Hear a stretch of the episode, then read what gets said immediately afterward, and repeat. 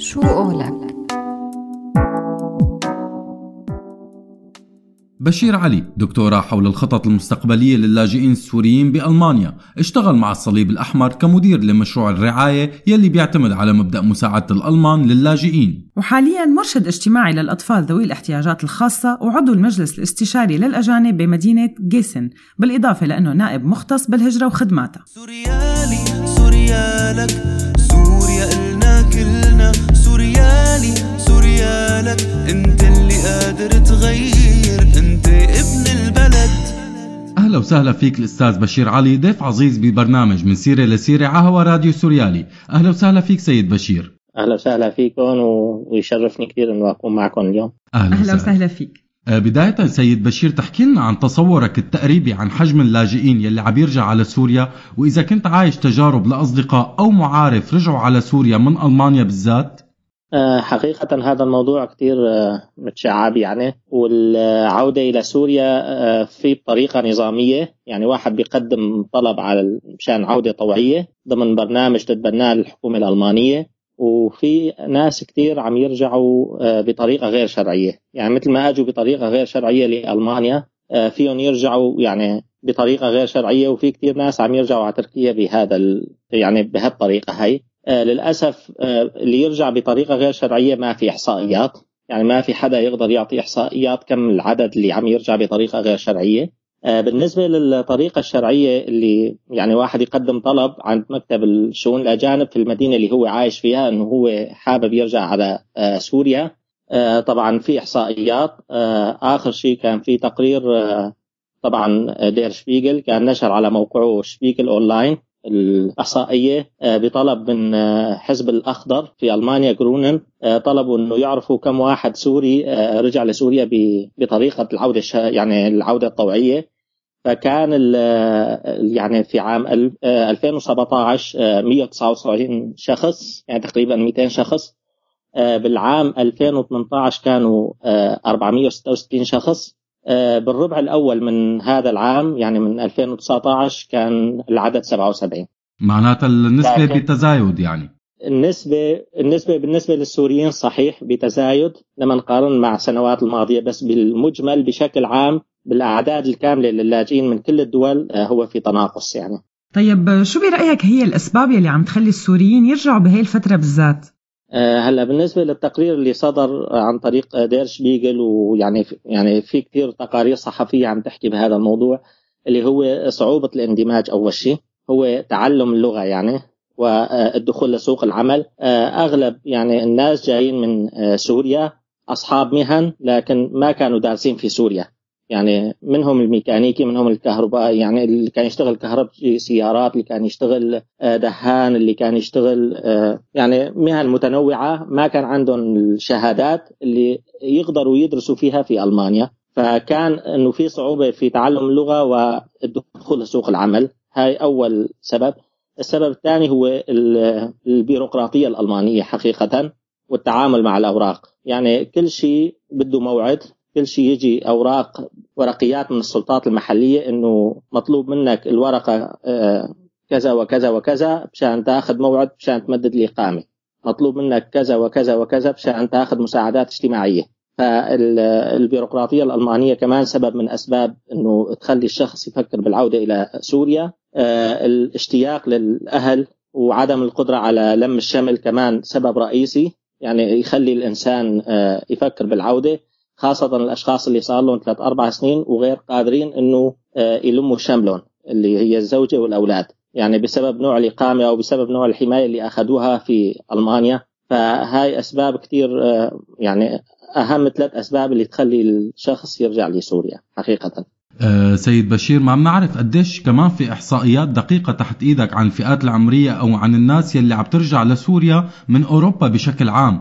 آه، في حال ما توفرت هي الإحصائيات فمن خلال علاقتك ومراقبتك للوضع قديش تص- بتصورك عدد عدد العائدين عفوا وهل هي الأعداد ممكن تمثل جزء كبير من أوروبا أو إنه لكل بلد في له خصوصياته؟ آه، حقيقة أنا بالنسبة للبلدان غير ألمانيا آه، ما لي علم يعني بسياسة اللجوء أو بسياسة الهجرة اللي عم تتبع الحكومات هناك لكن في ألمانيا السياسات عم تتشدد يعني بحق القادمين الجدد. وفي ضغط نفسي كثير آه، كبير على الأشخاص.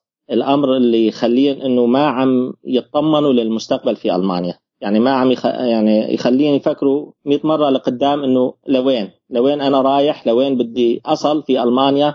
هل إلي مستقبل؟ فالسياسات المتبعة في ألمانيا عم تأثر على يعني على القادمين الجدد إنه إنه يفكروا بالعودة إلى آه، سوريا. بالنسبة للإحصائيات للأسف حتى المكتب الاتحادي للهجره واللاجئين من امبارح عم أقرأ على الموقع الرسمي الإحصائيات التي تخص السوريين ما يقربوا عليها إلا كم عدد الأشخاص الذين تقدموا بطلب لجوء وكم عدد الأشخاص الذين حصلوا على حق اللجوء على صفة لجوء على حماية مؤقتة على منع ترحيل آه، بشكل عام مذكور. بس إنه آه، على العودة الطوعية لسوريا آه، بالإحصائيات عدد السوريين غير مذكور إلا تم الجواب على بناء على طلب من أحد أعضاء حزب الخضر في البرلمان الألماني. فكان تم الرد بشكل عام يعني. يعني اعطاء أرقام عامة يعني ما في. آه، إنه إحصائيات تنزل بشكل رسمي على المواقع الرسمية ما في حقيقة. طيب بخصوص الفئات العمرية هل يا ترى ممكن فئة الشباب هي اللي عم تضل أو هي عم ترجع أو أو كمان صعب صعب هذا الموضوع؟ آه، ما فينا نحكي إنه نقول إنه هن الشباب ولا العائلات. أنا حسب آه، متابعتي الشخصية مع الناس بعرف عائلة كاملة مع يعني شخص من ريف دمشق. مع مرته كان تقرير على القناة الألمانية طلع كمان آه، رجع على سوريا السنة الماضية ومع أنه بناته كانوا مندمجين في في في ألمانيا يعني بالمدارس وكانوا وصلوا على البكالوريا وعلى الرغم من هيك كمان يعني قرر أنه آه، يرجع آه، في يعني في عائلة كانت عندنا كنت مسؤول عن مخيم يضم 200 شخص بال 2016 في عائلة سورية كانت مقيمة في مصر آه، ما ما تحملت الضغط النفسي إنه هي عايشة بخيمة آه، ليصدر قرار آه، يعني منحهم حق اللجوء ولا لا. تحت الضغط قدموا طلب إعادة يعني عودة طوعية وتمت الموافقة ورجعوا لمصر. يعني كان معهم إقامات في مصر. فيعني ما فينا نحكي حقيقة أو ما فينا نقول أي فئات عمرية هي المستهدفة يعني. أو إنه ألمانيا آه، بدها حدا يرجع على سوريا؟ لا ما بدها حدا يرجع على سوريا. طيب من خلال عملك عن قرب بشكل كبير بملف اللاجئين بألمانيا قديش نسبة الأشخاص يلي قدرت تخلي وضع اللجوء تبعها قائم وترجع على سوريا؟ وشو موقف الدولة الألمانية من هدول الأشخاص؟ وكمان في كمالة للسؤال إنه كمان شو موقف الدولة الألمانية من الأشخاص يلي ثبتت موالاتهم للنظام وعدم حاجتهم الحقيقية لوضع اللجوء؟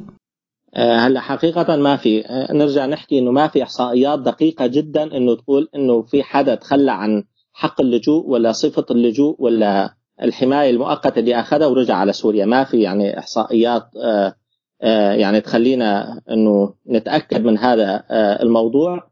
لكن بالمجمل عندما يتقدم الشخص بطلب عودة طوعية الحكومة الألمانية أول شيء تقدم له استشارة. وبتعطيه الإمكانيات اللي تقدر تساعده آه، فيها في في البلد اللي هو اللي راح يرجع له سواء كان آه، سوريا ولا غير بلد آه، وكم المبلغ اللي راح يعطوه إياه بشرط إنه ما ما يرجع يقدم لجوء في ألمانيا. والأمر يعود له يعني هن ما يعني هن بالأخير ما بيهمن إنه إذا هو حاصل على صفة لجوء ولا لسه هو لسه إنه مقدم طلب لجوء عم يستنى جواب. بالنسبة للموالين للنظام السوري آه، للأسف في ألمانيا ما في آه، تدقيق. يعني ما ما بيعرفوا هذا مؤيد ولا هذا معارض ولا هذا موالي. فصعب جدا إنه يعرفوا مين الموالي ومين المعارض. كل واحد ياخذ يعني حق اللجوء أو صفة اللجوء أو الحماية المؤقتة أو منع ترحيل حسب الأسباب اللي هو قدمها. سواء كان موالي أو معارض ويتم سحب آه، آه، حق اللجوء أو صفة اللجوء أو الحماية اللي أخذها آه، إذا انتهت أسباب اللجوء في سوريا. طبعا يتم إعادة دراسة الملف بعد ثلاث سنوات. تمام. مؤخرا سيد بشير شهدنا على إعلانات طرقية عم يدعم فيها اليمين المتطرف اللاجئين وبالأخص السوريين للعودة لاوطانهم لأوطانهم عفوا. قديش باعتقادك عم تأثر هي الإعلانات على اللاجئ ورغبته بالبقاء أو المغادرة؟ آه للأسف فينا نحكي مو ليست فقط إنه هي ما عم تأثر فقط على نفسيتنا نحن كقادمين جدد لألمانيا بل تأثر على نفسية الألمان نفسهم إنه هلا آخر إحصائية كان إنه الألمان آه واحد من اثنين لا يتقبل اللاجئين في ألمانيا. يعني هاي الإعلانات لها تأثير ليس فقط وتوجه الإعلام بشكل عام يعني وتجديد سياسة اللجوء آه، ليس لها تأثير فقط على نفسية القادم الجديد؟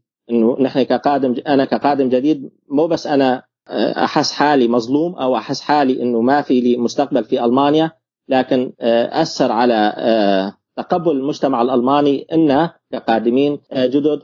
وللأسف هاي الرسائل الموجهة للاجئين كلها موجهة للسوريين؟ كأنه نحن يعني اللاجئين فقط هم سوريين.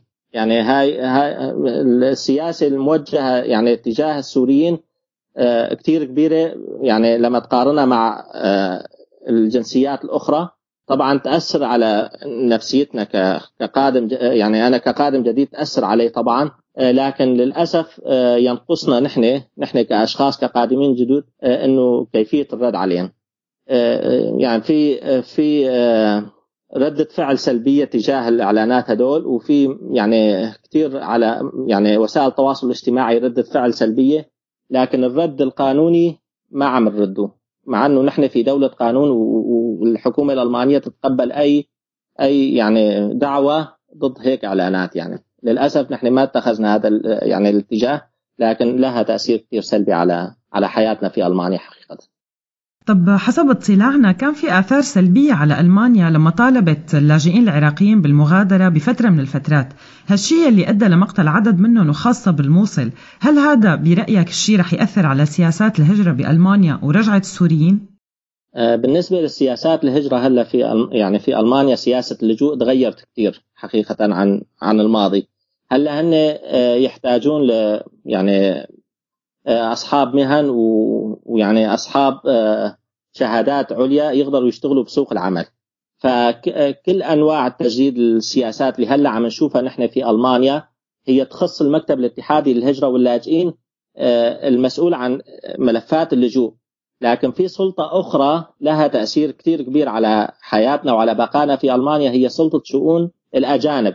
يعني حتى لو اتخذ المكتب الاتحادي للهجرة واللاجئين سياسات متشددة بحق اللاجئين آه، السوريين ولا غير آه، جنسيات آه، المكتب يعني مكتب شؤون الأجانب في كل مدينة هو المسؤول النهائي عن ترحيل الشخص من عدمه. يعني بالنهاية هو اللي يقرر هل الشخص القادم الجديد اللي أجى لألمانيا وأخذ حق اللجوء ولا صفة اللجوء وتمسح بهذه الصفة هل يعني قادر إنه يعيش؟ هل درس اللغة؟ هل وجد عمل؟ آه، هل يقوم يعني هل عم آه، يدرس في الجامعة؟ هل عوامل كثير تلعب آه، دور؟ فأعتقد يعني سياسة الترحيل بعيدة جدا في ألمانيا في هذا الوقت الراهن. وما أعتقد في يعني تجديد للسياسات بهذا المنحى. في ضغط في ضغط إنه نحن نشتغل في ضغط إنه نحن نتعلم لغة لكن آه، بالنهاية آه، الترحيل آه، أعتقد صعب جدا يعني بهذا الصدد يعني. تمام. نهاية أستاذ سيد بشير شكرا كثير لك وشكرا لوقتك وشكرا على المعلومات اللي أفدتنا فيها. ويعطيك ألف عافية وإن شاء الله هيك رمضان كريم. الله يعافيكم يا رب ورمضان كريم وينعاد عليكم بالخير والبركة وعلى الأمة الإسلامية والشعب السوري كله. شكرا, شكرا كثير. أهلا وسهلا. يعطيك العافية. شو قولك